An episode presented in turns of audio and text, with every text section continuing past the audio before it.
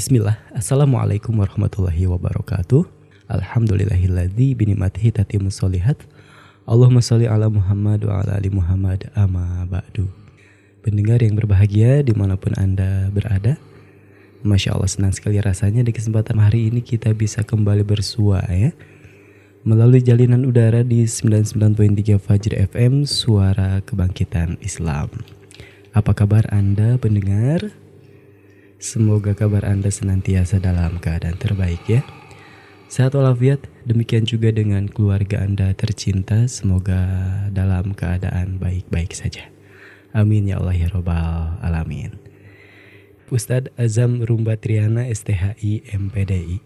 Kita akan langsung sapa beliau. Assalamualaikum warahmatullahi wabarakatuh Ustadz Azam. Waalaikumsalam warahmatullahi wabarakatuh.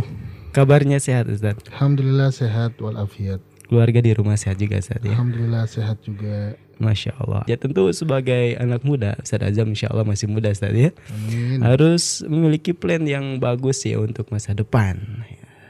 Sesuai dengan tema kita Ustaz ya. Mm-hmm. Walaupun gak sesuai-sesuai banget ya. Agak mm-hmm. maksa ini Maiki. Tapi tentang anak muda Ustaz. Yang muda yang berdaya juang. Wah ini tema yang sangat menarik sekali terutama Anda yang darahnya masih muda, yang masih bergejolak ya. Gak boleh kelewat ya untuk gabung bersama Radio Fajri. Tentu kami undang juga bagi Anda yang ingin ikut bergabung di kesempatan hari ini silakan langsung saja kirimkan entah itu berupa pertanyaan maupun hanya komentar saja ya Anda ikut nimbrung boleh silakan ya. Kirimkan ke 0811 1110 993. 0811 1110 993. Anda bisa melalui WhatsApp, Telegram maupun SMS dengan sebuah tema yang mudah yang berdaya juang. Baik pendengar di mana pun Anda berada, mungkin kita akan langsung saja menyimak kajian bersama Ustadz Azam Rumbatriana STHI MPDI. Silakan Ustadz.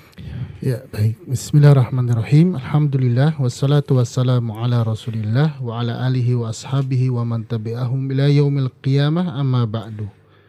Uh, Kepada para pendengar Radio Fajri Yang dimuliakan Allah subhanahu wa ta'ala Wabil khusus Para pemuda dan pemudi Ikhwan wa akhwat Fillah Yang hari ini sedang stay tune di radio kesayangan kita yaitu Radio Fajri FM. Ketika kita berbicara tentang hmm, tadi apa daya juang begitu ya, daya juang pemuda dan bagaimana memaksimalkan potensi daya juang begitu kurang lebih yang ada pada dirinya masing-masing.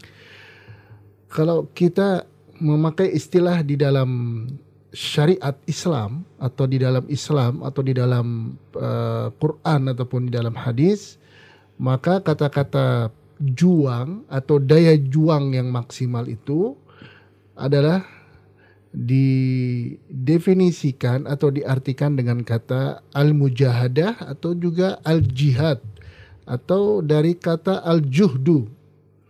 Dan kata-kata al-juhdu, al-jihad, al-mujahadah ini menggambarkan uh, satu ibadah yang terdapat di dalam Islam di mana ibadah tersebut adalah ibadah yang bernilai sangat tinggi dikarenakan ada upaya daya juang di sana. Jadi daya juang atau satu titik tolak untuk sampai kepada tujuan yang baik Islam telah memberikan anjurannya kepada kita untuk mencapainya dengan cara susah payah. Harus diupayakan dengan daya juang yang sangat tinggi gitu ya. Jadi orang Islam itu bisa dikatakan tidak boleh santai-santai gitu ya. Orang-orang muslim baik pemuda ataupun pemudinya itu tidak boleh masuk pada fase mager gitu ya, kan ya? hmm. Atau rebahaners gitu atau uh, enjoy at, ap, apa pun itu istilahnya ada istilah istirahah atau rohah di dalam uh, aktivitas ya kita bisa berhenti sejenak untuk beristirahat tapi bukan dalam kategori santai gitu. Nah, dalam satu penelitian yang dikeluarkan oleh lembaga penel, uh, survei ya di dunia disebutkan bahwasanya pemakaian handphone di Asia itu tertinggi di Indonesia. 6 jam dalam satu hari, 6 jaman dalam satu hari. Masing-masing orangnya. Itu uh, berbeda dengan beberapa wilayah lainnya seperti di Malaysia, di Brunei, di di ASEAN lah, Vietnam, Thailand. Ternyata Indonesia itu dianggap paling tinggi ya, 6 jaman. Itu mungkin di rata-rata ya. Kalau nggak di rata-rata mungkin satu orang bisa sampai 12 jam hmm. gitu ya. Apalagi para gamers gamers gitu ya. Saya makanya bingung ya. Ada anak santri main game. Ada ustadz main game. Ini di mana ilmu tentang manajemen waktu yang telah diajarkan oleh uh, para ustadz-ustadz kita gitu ya. Dan mungkin Bang Iki juga punya teman yang suka main games gitu kan. Dan itu bukan uh, orang-orang uh, dari level keilmuan yang yang rendah kan gitu ya. Uh, mungkin dia adalah lulusan pesantren atau teman-teman yang beraktivitas pada dakwah. Kemudian kalau dikatakan kok antum main game sih, maka dia bilang ya santai dikit lah gitu, santai dikit sampai dua jam gitu ya. Coba kalau misalkan kita bisa mendaya gunakan secara upaya maksimal untuk sampai kepada apa yang kita cita-citakan itu, maka saya yakin insya Allah banyak di antara kita yang akan sukses. Nah, yang menjadi filosofis dasar atau menjadi pemikiran dasar, menjadi spirit utama ya di dalam uh, tema ini adalah sebuah hadis dari Nabi Muhammad sallallahu alaihi wasallam. Sebuah hadis dari Nabi Muhammad SAW yaitu dari jalur periwayatan Abu Hurairah radhiyallahu anhu Beliau berkata bahwa Nabi Shallallahu Alaihi Wasallam bersabda, al mu'minu al qawiyyu khairun wa ahabbu ilallahi minal mu'mini do'ifi. Seorang mukmin yang kuat itu lebih baik dan lebih dicintai oleh Allah Subhanahu wa taala dibandingkan mukmin yang lemah. Nah, ini ya. Nah, kalau kita lihat orang-orang yang mageran begitu, lemah biasanya fisiknya. Karena dikit-dikit mau istirahat. Dikit-dikit mau istirahat begitu ya. Maka Orang-orang yang kuat ini adalah kuat fisiknya. Kuat fisiknya. Orang-orang yang mampu bertahan untuk melakukan berbagai macam aktivitas dikarenakan fisiknya itu kuat. Dan Nabi melanjutkan wa fi kulli khairun ihris ala ma yanfa'uka wasta'in billahi wala ta'jaz. Dan kata Nabi Muhammad SAW, bersemangatlah terhadap apa-apa yang bermanfaat bagimu dan hendaklah engkau meminta pertolongan kepada Allah untuk bisa mampu bersemangat terus-menerus. Wala ta'jaz dan janganlah engkau merasa letih janganlah engkau merasa capek janganlah engkau merasa sedih ya. Nah ini hadis ya mungkin sebagian kita sudah banyak yang mendengarnya. Sebagian kita sudah banyak yang mungkin di antara kita sudah banyak yang menghafalnya. Akan tetapi pada realitanya hadis ini jauh dari kata diamalkan. Coba kalau kita cermati kalimat awal dari hadis ini di yang tadi kita bacakan di uh, lanjutan dari seorang mukmin harus kuat gitu itu ya. Kemudian Nabi mengatakan ihris ya. Ini kan fi'il amr ya. Ini kalimat perintah. Artinya Nabi Muhammad SAW memerintahkan siapa? Memerintahkan kepada umatnya. Siapa umatnya? Kita gitu ya. Nabi memerintahkan kepada kita ihris. Ayo semangat gitu. Kurang lebih begitu. Ya mungkin ini kalau uh, kalau bahasa kita motivatornya bilang sama mad'unya, ayo semangat gitu ya. Dan Nabi memerintahkan. Ini berarti kita nggak boleh menjadi seorang Muslim yang tidak punya daya juang, karena nggak ada kata-kata menyerah. Iris terus bersemangat. terhadap apa? Mayan fauka terhadap apa-apa yang bermanfaat bagimu. Ya. Manfaat itu diketahui oleh akal sehat ya. Dan tidak ada satu bagian dalam hidup ini yang tidak bisa memilah dan tidak bisa memilih mana manfaat dan mana yang tidak manfaat. Jadi akal sehat kita tuh pasti bisa memilih.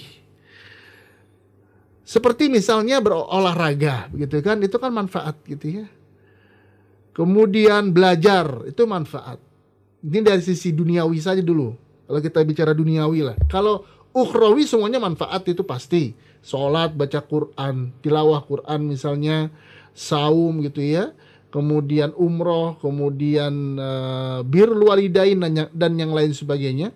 Itu adalah sesuatu yang bermanfaat karena ukhrawi. Nilainya tinggi sekali Nah kalau dunia itu pilih-pilihnya itu adalah manfaat itu adalah sesuatu yang memiliki feedback positif dalam kehidupan kita. Kalau dia berolahraga dia jadi sehat gitu. Jadi berarti amal tersebut manfaat. Kalau kita belajar, belajar matematika, belajar fisika biar kita cerdas misalnya, maka itu termasuk amal yang bermanfaat. Kalau kita bekerja kemudian mendapatkan uang, maka itu adalah amal yang amal yang bermanfaat. Maka hal-hal yang tidak bisa mendatangkan kemanfaatan dalam hidup ini, maka jangan dibuat semangat gitu maksudnya ya. Jadi apa-apa yang yang kita timbang-timbang sehat enggak, dapat uang enggak, tapi malah ngeluarin pengeluaran, membuat tidak nyaman gitu ya. Maka hal-hal seperti itu nggak perlu kita semangati. Nah di dalam hadis ini Nabi Muhammad SAW memberikan seluruh perhatiannya agar setiap umatnya itu mampu bisa meraih segala amal yang bermanfaat. Apa pun kita planning, kita uh, doing gitu kan, kita laksanakan, kita upayakan untuk goal misalnya, yaitu sampai kepada tujuan. Ya. Kemudian tapi inilah yang menjadi uh, yang istimewa ya di dalam Islam itu. Islam itu nggak pernah ngajak seseorang itu hanya berhenti kepada kemampuan pribadi gitu. Misalkan ada seorang yang sanggup untuk bekerja karena fisiknya kuat begitu ya. Tapi ada orang yang tidak sanggup bekerja karena fisiknya tidak kuat. Nah, di dalam lanjutan hadis ini pada kalimat wasta'im billah ini kita disuruh untuk kembali kepada Allah. Artinya betul kita harus mencari kejar-kejar yang manfaat, cari kerja, bekerja gitu kan, belajar, target menjadi sarjana S1, S2, S3, profesor begitu kan. Eh, itu target-target itu itu jangan hanya dikembalikan kepada kemampuan personal. Jadi ketika orang tidak wasta'im billah, maka apa yang dia upayakan dengan segenap usahanya itu, jihadnya, mujahadahnya, itu akan sia-sia karena dia tidak menjadi makhluk yang kembali kepada Allah Subhanahu wa taala. Wasta'im billah. Ya. Makanya jangan andalkan segala hal di dunia ini hanya dari kecerdasan kita, fisik kita misalnya, atau keahlian kita tapi jangan lupakan ada Allah Subhanahu wa taala. Wasta'in billah dan hendaklah engkau memohon meminta kepada Allah Subhanahu wa taala. Wala ta'jaz dan jangan engkau merasa lemah. Lemah kalau ketika kita udah berusaha gitu kan? Kita ketika kita udah berdoa tapi hasilnya tidak dapat, kita udah bekerja siang malam tapi enggak uh, mendapatkan uh, keuntungan rupiah atau uang yang kita harapkan misalnya, maka dikatakan oleh Nabi wala ta'jas, jangan sedih. Artinya jangan putus asa gitu. Besok mujahadah lagi, besok jihad lagi untuk mencari hal-hal yang manfaat dalam kehidupan ini.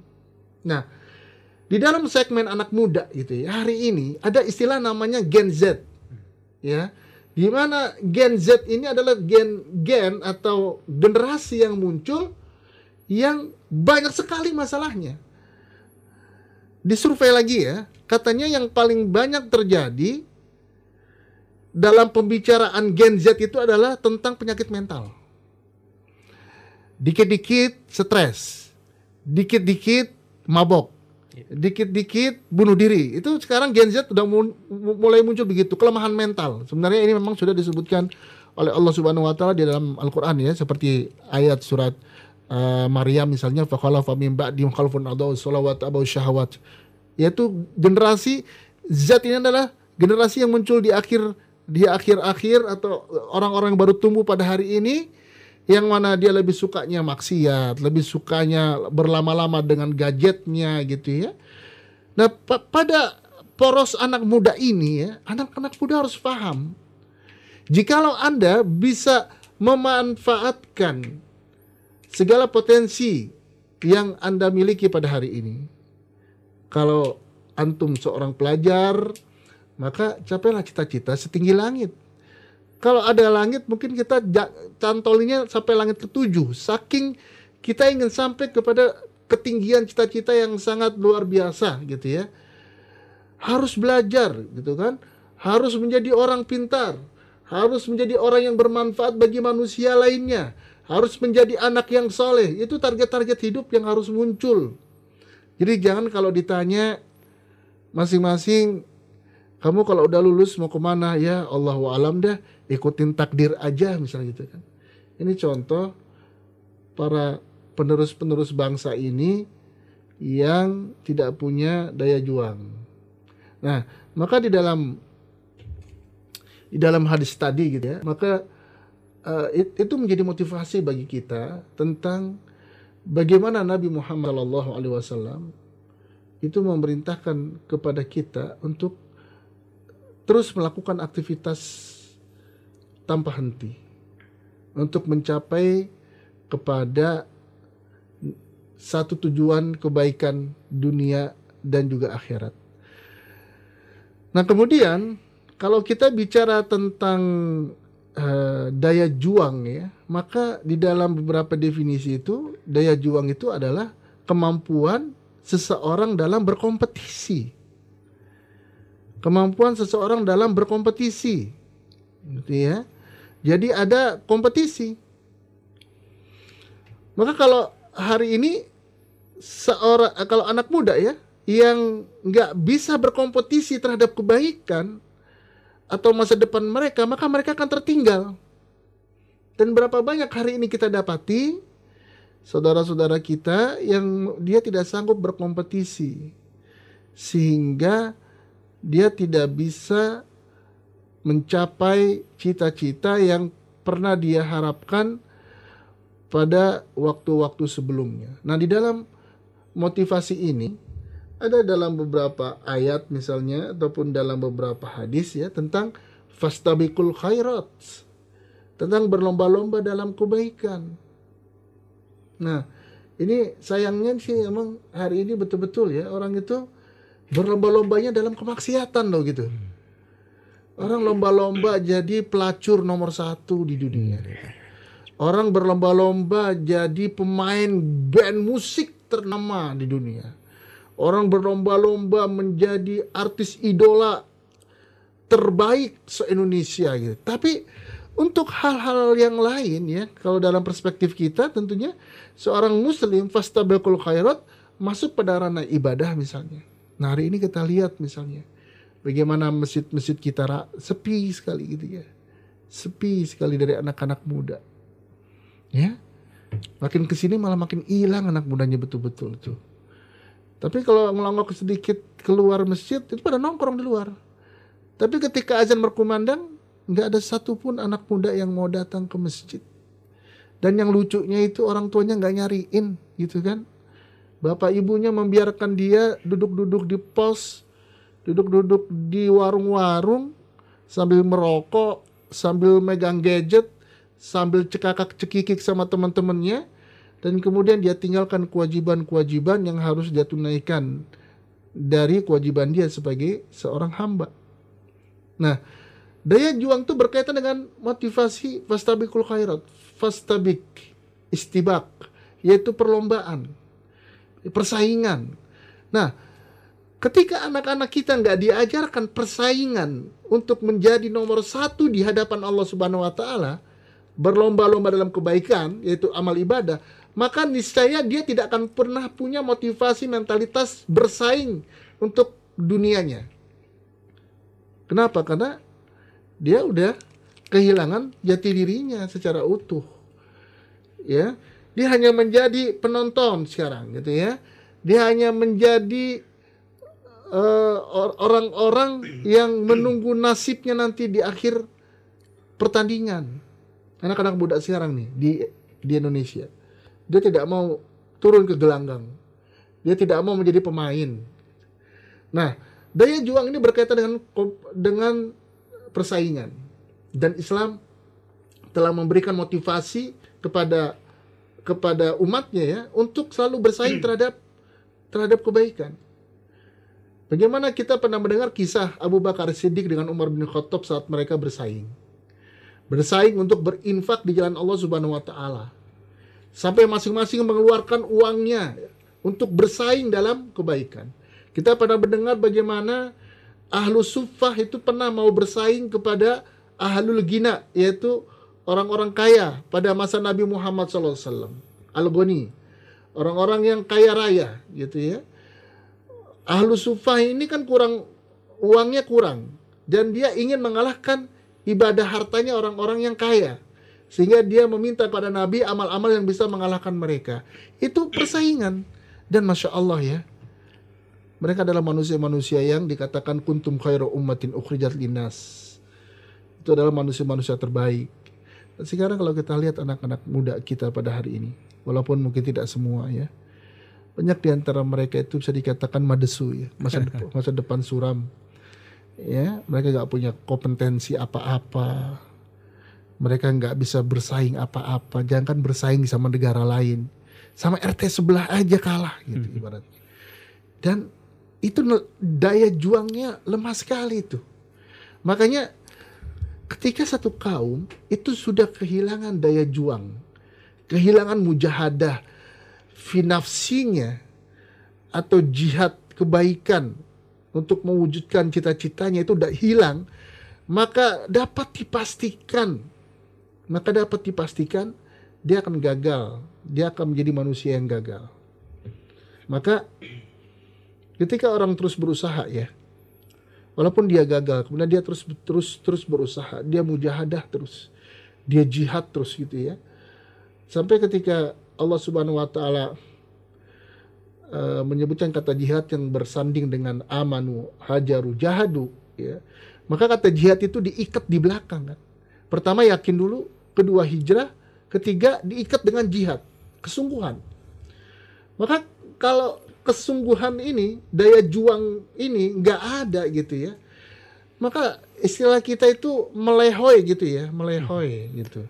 Tahu uh, kerupuk baru digoreng, garing, dicemplungin air, melehoi kan gitu ya. Itu daya juangnya lemah itu. Ya. Lihat itu kalau mau lihat mah kayak ayah pisang goreng gitu kan atau mungkin kayak singkong tetep kenceng gitu kan. Kenapa? Karena jati dirinya tuh mujahadanya gede. Ya dia ditaruh di bawah tanah, dia ditanam pakai pupuk, ditunggu sampai dia kuat baru dicabut ibaratnya gitu. Jadi kuat. Nah sekarang memang sangat memprihatinkan ya, Mang Iki mungkin juga uh, mewakili Gen Z lah gitu kan ibaratnya ya, walaupun mungkin udah lebih dari Gen Z sebenarnya. Bagaimana kondisi hari ini rekan-rekan kita gitu kan, dan ini ada salah satu hal yang perlu kita ya kita sedihkan gitu ya, lemah sekali daya juang mereka, ya kita hampir-hampir akan kehilangan satu sampai dua generasi loh gitu. Ketika daya juang itu udah hilang. Bayangin sat, satu generasi itu kan hitungannya tuh bisa jutaan. Kan contoh saja begini ketika bicara nih kalau kita bicara kamus di Indonesia ada istilah demografi kan. Demografi itu kan ada yang satu kehilangan populasi pertumbuhannya melemah jadi di Indonesia akan ada demografi, demografi disebabkan karena jomblo tuh banyak. itu di survei di ASEAN itu Indonesia tingkat jomblonya paling banyak. Makanya yang teman kita yang di belakang antum itu harus cepat-cepat tuh ditunaikan hajatnya ya. Jadi ada 65 juta anak-anak uh, anak-anak muda usia nikah itu ya. Itu yang belum nikah itu 62 juta. 23 persen dari penduduk Indonesia. Vietnam kalah, Brunei kalah, Thailand kalah. Emang Indonesia yang kalau kayak gini-gini menang menang mulu nih. Kenapa sebabnya cuma satu? Karena mereka kurang mujahadah untuk hmm. mencari istri gitu kan. Yeah.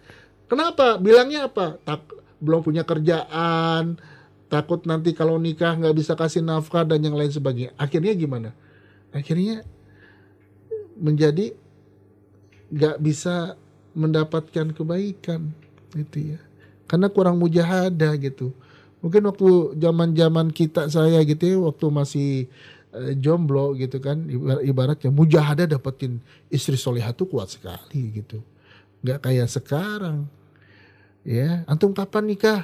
Insya Allah saat kalau sudah punya mobil Astagfirullahaladzim. Kapan punya mobilnya? Ya kan?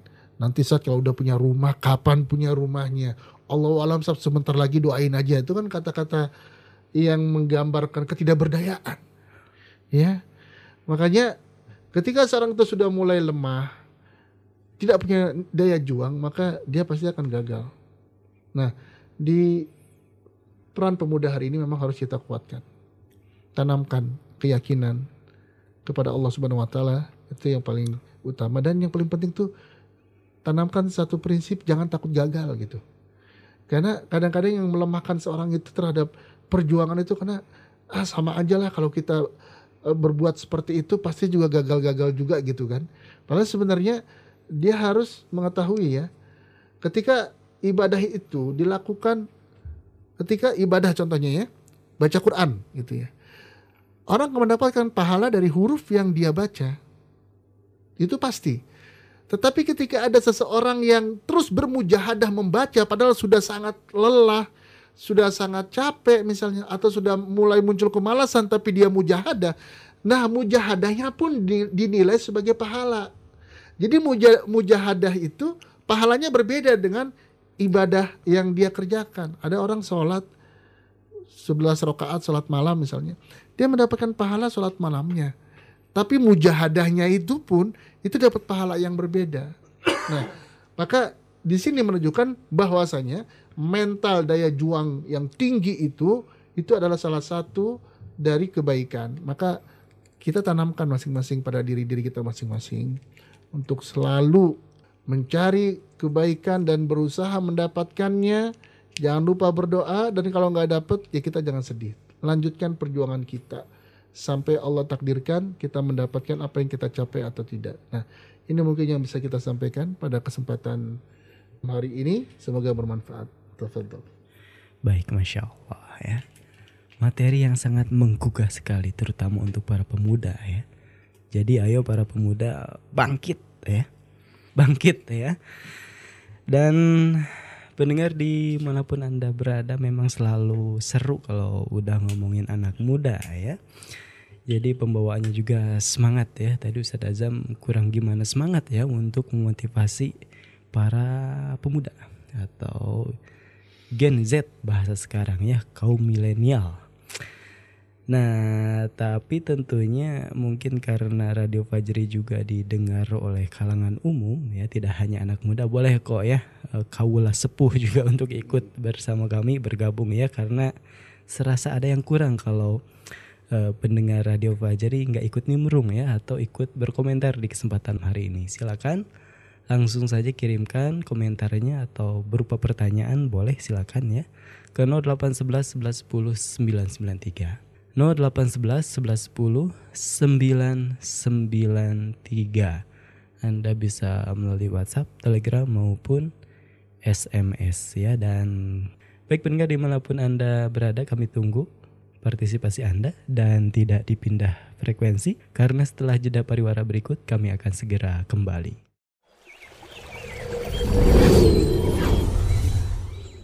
Masih di seluruh 99.3 Fajr FM Suara Kebangkitan Islam Berdengar di mana pun Anda berada Bersama saya Maiki di gelaran Kalam Kajian Ahad Malam ya. dengan sebuah tema yang menarik, yang muda, yang berdaya juang dan masih dengan narasumber yang sama ada Ustadz Azam Rumba Trian STHI MPDI. Baik pendengar, kami buka lebar di sesi kedua ini untuk sesi diskusi ya atau tanya jawab. Kirimkan langsung pertanyaan Anda yang sesuai dengan tema kita ke 0811 1110 993. 0811 1110 993. Baik, mungkin Ustadz kita akan langsung saja ya menanggapi uh, para pemuda atau pendengar Fajri yang sudah bergabung di kesempatan hari ini. Yang pertama ada Ibu Sari ini di Pacitan Jatim, masya Allah ya. Assalamualaikum warahmatullahi wabarakatuh. Waalaikumsalam warahmatullahi wabarakatuh. Uh, insya Allah koneksi bagus katanya tidak terputus-putus sehingga dapat menyimak dan mendengar penjelasan dari Ustadz Amin. Masya Allah ya. Selamat menyimak nih uh, Ibu Sari ya di Pacitan Jatim. Baik selanjutnya ada pertanyaan kali ini dari Abu Zaki Habibullah di Curug Bitung Kecamatan Nanggung ya. Izin bertanya nih Mang Iki Afwan Pak Ustadz, bagaimana cara mengajak pemuda masa kini yang disebut generasi milenial, Gen Z, generasi rebahan, generasi mager, agar menjadi generasi pemuda yang produktif untuk kebangkitan agama dan bangsa? Demikian pertanyaan disampaikan. Semoga Pak Ustadz senantiasa sehat selalu dan berkah selalu. Fajri hmm. FM jaya jaya jaya, masya Allah ya. Silakan Pak Ustadz. Ya, untuk bisa mencetak ya generasi dari generasi Islam agar bisa generasi agar bisa menjadi generasi yang tangguh ya gitu ya yang mempunyai nilai mujahadah dari generasi tersebut maka poin penting adalah uh, ajarkan mereka tentang ilmu, tentang amal dan tentang adab Islam. Ini penting ya, gitu. Ilmu tuh apa maksudnya? Ya suruh mereka mencari ilmu agama. Ya. Karena kadang-kadang tuh seorang itu nggak nggak nggak bisa istiqomah itu atau bisa kokoh tegar gitu bahkan bisa memahami ini harus diperjuangkan atau tidak itu kalau ilmunya nggak ada terus bagaimana kalau dia ya justru ini anak pesantren Ustadz nih yang kayak gini gitu. Nah berarti ingatkan lagi sama mereka tentang amalnya gitu. Kamu udah tahu ilmunya sekarang amalkan gitu ya. Kemudian yang ketiga tadi ajarkan kepada mereka adab Islam. Ketika tiga hal ini terkumpul maka insya Allah ya anak-anak kita menjadi anak-anak yang uh, dia memiliki nilai uh, punya karakter uh, daya juang yang tinggi. Ya tidak gampang menyerah tidak gampang putus asa gitu. Dan alhamdulillah pada hari ini tuh sebenarnya saya masih dapati loh anak-anak seperti itu. Anak-anak yang dia punya daya juang tinggi sekali. Ada banyak sekali bahkan. Ya, cuman memang masih banyak yang mageran gitu ya. Nah ini makanya mudah-mudahan ya bagi para orang tua ya dan tentunya kita jangan putus asa ya kita coba ajak anak kita gitu. Ayo kita datang ke majelis taklim dulu. Kemudian kita amalkan sama-sama seperti dibuat kebiasaan di rumah itu puasa sunnah misalnya atau sholat sunnah di rumah begitu ya. Kemudian ajarkan kepada mereka adab-adab Islam. Masuk rumah baca doa kepada orang tua, kalau ketemu cium tangan, kemudian mendahulukan orang tua dan yang lain sebagainya. Maka insya Allah kalau itu kita lakukan, maka akan muncul lagi generasi-generasi pejuang tangguh yang akan siap berkompetisi mencapai kebaikan di dunia dan juga di akhirat begitu. Allah alam. Baik, masya Allah ya demikian jawaban dari Ustadz Azam ya terkait pertanyaan tadi dari Abu Zaki ya di Syuruk Bitung. Selanjutnya pendengar kali ini ada pertanyaan Tusinuarjo di Tangerang.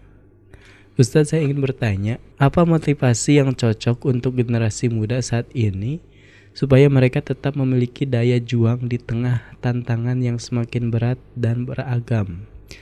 Motivasi ya, iya. pertanyaan ke arah ke arah motivasi. Maka tidak ada motivasi yang terbaik ya, melainkan motivasi-motivasi yang muncul atau atau kita ambil intisarinya dari Al-Qur'an dan juga dari hadis-hadis Nabi. Itu adalah eh, kata-kata uh, yang sangat uh, penting yang kita tanamkan sebagai motivasi dan itu jangan dianggap remeh ya satu motivasi yang kita keluarkan dari ayat Al-Quran itu itu lebih baik daripada kita ngambil motivasi misalnya orang-orang Amerika, orang-orang Eropa gitu ya. Ambil motivasi dari Islam. Nah, motivasi-motivasi yang berkaitan dengan anak-anak muda yang zaman sekarang tadi ya tentunya kita ambil dengan tema-tema keanak mudaan tentunya ya. Seperti tadi hadis yang saya bacakan yang ihris alama yanfa'uka wasta'in bila wala ta'jaz. Atau mungkin hadis seperti innamal amalu biniat juga bisa dijadikan sebuah motivasi kepada anak-anak muda kita agar saat melakukan apa pun niatkan seluruhnya adalah untuk untuk mencapai kebaikan gitu. Jadi se sebenarnya kita bisa memberikan motivasi-motivasi itu agar mereka bisa uh, bangkit ya. Nah, yang paling penting ini ya tanamkan motivasi dari uh, satu kesempitan orang lain. Contoh misalkan begini. Sekarang kita masih kerasa sebenarnya, cuman banyak orang yang sudah mulai melupakan tentang nasib ikhwan-ikhwan kita di Palestina yang sekarang masih terus dibombardir. Nah, di situ kita bisa memberikan motivasi dengan cara memberikan contoh seperti itu. Coba kamu bayangkan dek gitu. Orang-orang Palestina hari ini boro-boro bisa lesehan kayak kamu. Sholat aja mereka susah. Nah itu bisa jadi motivasi begitu. Agar mereka bisa mengambil contoh yang sangat dekat. Oh iya betul ya. Tinggal dia buka bagaimana Palestina. Maka dengan begitu dia akan merasa sadar bahwasanya dia lalai begitu. Nah itu mungkin beberapa hal yang bisa kita jadikan motivasi untuk generasi-generasi kita atau wabil khusus anak-anak kita di rumah kita masing-masing. Begitu. Baik, Masya Allah ya demikian jawaban dari Ustaz Azam. Selanjutnya pendengar di mana pun Anda berada, kali ini ada pertanyaan dari Zikri di Cijeruk ya. Ustadz Azam, Maiki dan pendengar Fajri yang dirahmati Allah. Izin bertanya, bagaimana mendidik anak untuk memiliki daya juang? Sudah diberikan motivasi atau kisah nyata akan tetapi masih saja ada yang masih leha-leha harus bagaimana lagi untuk mendidik agar anak semangat lagi? Apakah dibiarkan saja? Fokus dengan anak-anak yang semangat saja? Jazakallah Ustaz. Ya, sebagai seorang pendidik ya, salah satu dari bentuk keadilan kita kepada anak didik kita kalau misalkan yang bertanya itu adalah guru yang bertanya tentang anak didiknya. Maka kita nggak boleh membiarkan anak didik kita salah satunya atau salah duanya atau salah tiganya itu tidak bersemangat atau kita membiarkan mereka di atas keterpurukannya jangan ya. kita sebagai pendidik orang tua adalah murabbi kan? orang tua adalah murabbi bagi anak-anaknya. Maka kita jangan tinggalkan mereka. Nah kalau poinnya seperti yang tadi disampaikan itu berarti bapak udah putus asa gitu ya. Karena anaknya udah dikasih tahu tapi susah nggak berubah. Padahal sebenarnya tidak ada manusia yang tidak terenyuh kalau diberikan motivasi sebenarnya seharusnya begitu cuman memang ada yang pertama pasti hidayah Allah ya di situ kan ketika kita sampaikan itu apakah bisa nggak menghantarkan hidayah Allah atau tidak begitu Nah kalau memang ternyata nggak bisa di hari itu, coba lagi pak besoknya, lusanya. Intinya jangan putus asa gitu. Jangan putus asa karena dia anak kita kan. Masa kita harus biarkan dia kalau dia lesehan terus, malas-malasan terus, terus kita mau biarkan begitu sampai kemudian dia nanti dewasa terus eh, akhirnya dia tidak menjadi manusia berguna misalnya. Gara-gara kita biarkan. Tidak boleh begitu. Tetap harus kita pantau, kita harus tanamkan terus-menerus. Nah, kalau tidak dengan cara uh, formal begitu ya, duduk diceramahin nama kita, bisa dengan cara sambil makan. Kita ajak dia makan di luar, kemudian kita diskusi gitu ya. Bertanya sama dia, "Dek, kamu nanti kalau udah SMA tuh mau sekolah di mana?" gitu. Mau sekolah di agama apa sekolah umum misalnya gitu kan. Terus kita mendekati dekat sama dia gitu kan, memberikan motivasi di berbagai tempat maka yang perlu kita lihat itu usahanya Pak ya. Seorang motivatornya itu mujahadahnya juga harus ada gitu. Kita mau membuat orang jadi mujahadah, tapi kita juga enggak sabar di situ gitu ya. Makanya disabari di situ, tuh pelan-pelan ya, apa namanya diberikan motivasinya. Kalau belum berubah besok lagi dicoba, kalau belum besok lagi dicoba. Dan jangan putus asa, insya Allah ada saatnya dia pasti akan bisa memahami gitu. Tapi jangan menyerah gitu ya. Ini kalau uh, motivatornya udah menyerah ya gimana nanti yang dikasih motivasinya gitu. Makanya saya harapkan uh, sama Bapak yang bertanya tadi, ayo terus Pak ya. Jangan menyerah ya.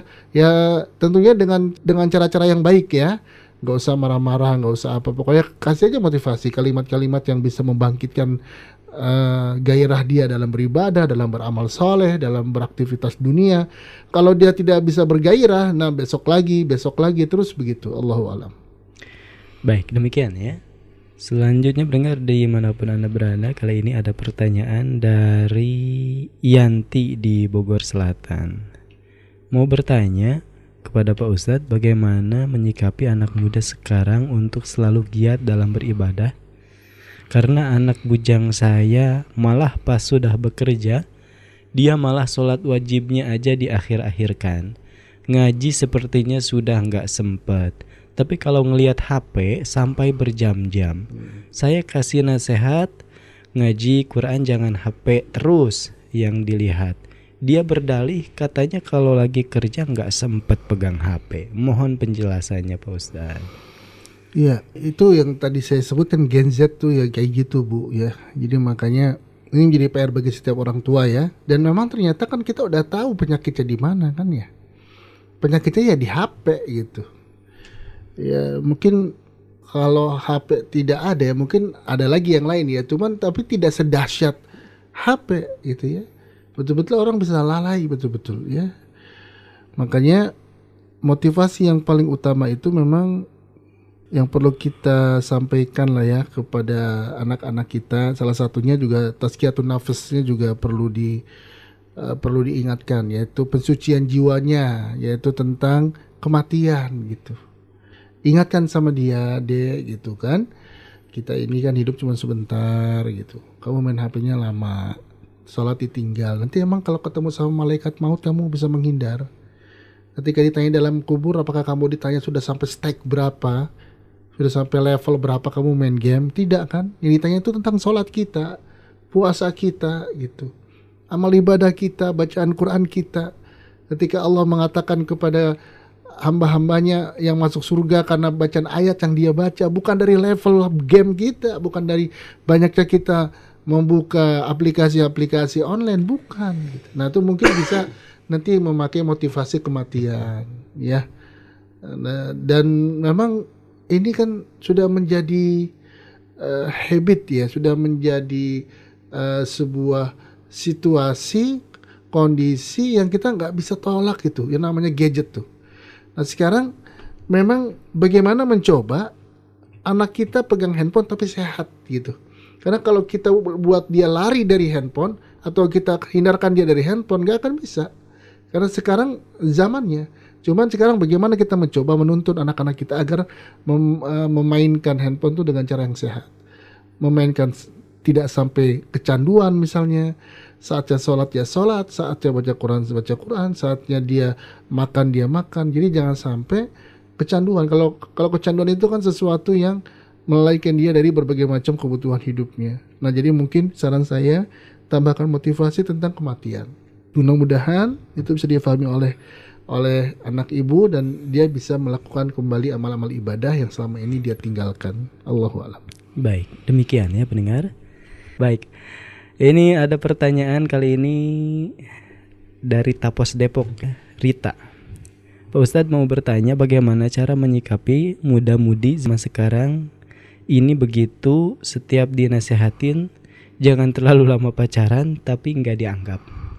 Harus dengan cara apa lagi orang tua untuk mengingatkannya? Wassalamualaikum. Silakan Ustaz. Ya baik. Ya, salah satu penyakit ya di masyarakat dan dianggap lumrah, dianggap biasa itu adalah pacaran. Bahkan kalau ada anak perawan nggak punya pacar, orang tuanya resah. Hmm. Seakan-akan uh, anaknya nggak laku atau nanti jodohnya nggak datang-datang begitu ya. Padahal uh, jodoh itu kan Allah yang mengatur semua. Nah, di sini uh, kalau pacaran itu kan kemungkaran bu ya, jadi dia bukan bukan kebaikan, jadi jangan dimotivasi gitu. Tapi kepacaran itu kemungkaran, kemungkaran itu harus dicegah. Nah kalau mencegah itu tentunya dengan beberapa kaidah kan, dengan bil hikmah, mau'idhah hasanah, ya dan jadilhum bilatihi ahsan. Kita bisa ngambil dua aja, yaitu hikmah dan mau'idhah hasanah. Jadi nasehatin gitu. Dengan cara apa? Dengan memakai kalimat-kalimat misalnya nak jangan pacaran itu haram gitu. Orang-orang yang berpacaran gitu kan kita katakan gitu itu sama dengan perbuatan zina gitu dan Allah melarang perbuatan zina maka zina itu hukumnya haram. Nah pacaran pun hukumnya haram gitu. Nah jadi uh, bukan memberikan motivasi tapi memberikan uh, tahdir peringatan dalam bentuk nahi mungkar. Ya dan prinsip dari dakwah itu itu memang tidak harus orangnya berubah ya. Tapi minimal eh, kita itu sudah memberikan uh, satu informasi penerangan kepada or, satu orang yang melakukan kemungkaran dan dengan sebab itu Allah akan memberikan pahala atas kita dan kita dilepaskan dari tanggung jawab. Nah, kalau ibu orang tuanya, ibu ibu bertanggung jawab betul. Biar anak ibu tuh yang pacaran cepet-cepet nikah atau cepet-cepet putus cuma dua. Ya nah jangan pacaran terus. Kalau kamu pacaran mau nikah apa putus? Begitu kan? Begitu. Nah insya Allah kalau kita lakukan hal tersebut maka anak-anak kita akan benar. Banyak sekarang pacaran itu terjadi orang tuanya cuma ngomong nak jangan pacaran. Ayo cepet kapan nikahnya? Pacaran mulu. Iya disuruhnya uh, pacaran sih. Makanya jangan ada pacaran langsung nikah gitu ya. Jadi uh, nasihat yang dimaksud oleh Islam ketika ada kemungkaran adalah mencegah. Jadi katakan kepada anak ibu ya, bukan kapan nikah tapi jangan pacaran gitu. Kamu jangan pacaran itu kata-kata uh, nahi mungkar dan itu adalah kalimat yang tegas dan harus disampaikan menunjukkan ketidakridhaan ibu terhadap perbuatan tersebut. Begitu, Allahu a'lam. Baik, demikian ya. Ustadz dua pertanyaan terakhir Ini dari Mama Fitri ya di Bekasi Barat Pak Ustadz mau tanya gimana ya anak muda Anak yang berjaya Tapi maaf anak saya tadinya rajin jamaah ke musola Kalau puasa suka jadi Bilal Tapi sekarang kebalikannya Pengaruh HP merubah kebiasaan Apalagi tidur di kamarnya Di atas Di atas jadi lebih sulit dikontrol. Mohon solusinya agar anak kalau dinasehatin tidak marah. Syukuran. Ya, kita tidak perlu peduli anak itu marah atau tidak kalau kalau dinasehatin. Karena kewajiban kita sebagai orang tua untuk mendakwahi. Ingat Bu ya, itu bukan memarahi anak, bukan mendakwahi. Kalau anak nggak sholat, tidak dakwahi buat sholat. Jadi jangan ada mentalitasnya itu kita kayak merasa bersalah karena kita memarahi anak. Bukan, itu kewajiban kita. Mendakwahi anak untuk melaksanakan sholat mendakwahi anak untuk menjauhi handphone ketika handphone itu merusak hidupnya. Nah, maka ketika tadi ada beberapa pola ya, seperti si anak di atas ya nggak ada kontrol, maka rubah berarti bu. Si anak nggak boleh tidur di atas, harus di bawah. Bagaimana lah, pokoknya kan rumahnya kan ibu ngerti ada kamar ada berapa, tinggal dia harus tidur di sini. Jadi biar terkontrol. Dan yang paling penting Pak Bu ya, uh, handphone itu kan kebanyakannya dikunci ya. Maka kalau kita ingin menyelamatkan anak kita dari kejahatan orang-orang di sekitarnya, maka buka kuncinya, kontrol setiap malam apa yang dilihat, apa yang dichattingkan oleh teman-temannya. Jangan sampai kita nangis ketika kita nggak tahu apa-apa, tiba-tiba anak kita menjadi LGBT. Nggak tahu apa-apa, tiba-tiba anak kita dibawa kabur oleh orang lain. Kan banyak juga begitu ya karena kenalan di Instagram kemudian dia dibawa kabur sama laki-laki nah uh, teruslah untuk menyampaikan kebaikan kepada anak-anak kita jangan putus asa niatkan untuk dakwah bukan karena benci kepada anak kita tapi agar kita anak-anak kita mendapatkan kebaikan dari apa yang kita sampaikan. Begitu. Allah alam. Yang terakhir? Baik yang terakhir Pak Ustadz izin bertanya bagaimana eh sebagai mahasiswa yang hari kuliahnya tiga hari masuk dan tiga hari libur hmm. agar menjadi pemuda yang berdaya juang yang tangguh yang tiga hari libur ini mereka isi dengan kegiatan apa yang seharusnya Pak Ustadz? Ya baik. Setiap setiap uh, pemuda ya yang jiwanya itu brilian, jiwanya itu emas ya. Maka dia tidak akan pernah merasa cukup dengan waktu yang dia telah habiskan dari kebaikan-kebaikan yang dia telah habiskan. Contoh dia kuliah tiga hari, kan ada tiga hari lagi tuh. Nah kalau orang yang jiwanya tidak mujahad ya, dia bilang alhamdulillah kalau gitu saya santai aja setiap hari dia cuma di kamar main game gitu misalnya kan tetapi orang-orang yang jiwanya tinggi itu dia akan mencari aktivitas-aktivitas yang bermanfaat. Nah makanya sekarang sebenarnya peluang amal soleh banyak sekali. Jika yang bertanya seorang akhwat apa Ikhwan? Uh, akhwat namanya. Akhwat. Mardiah ya. ya. Akhwat. Ya.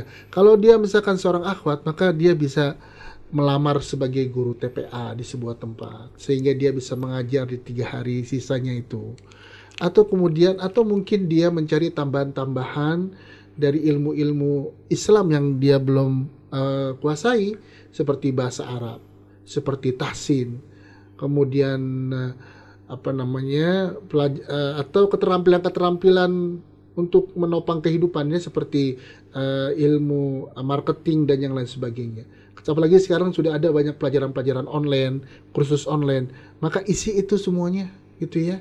Maka semak waktu itu kalau kita isi dengan kebaikan maka kesia-siaan akan hilang.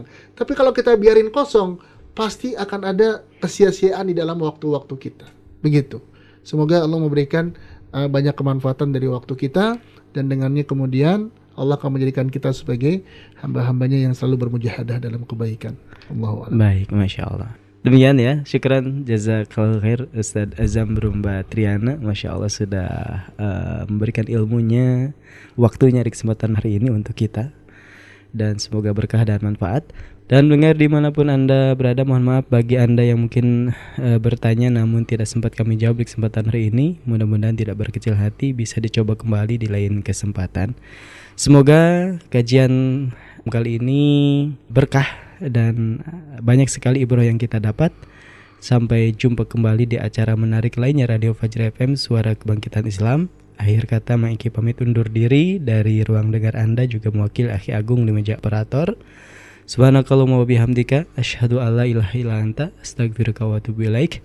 Wassalamualaikum warahmatullahi wabarakatuh.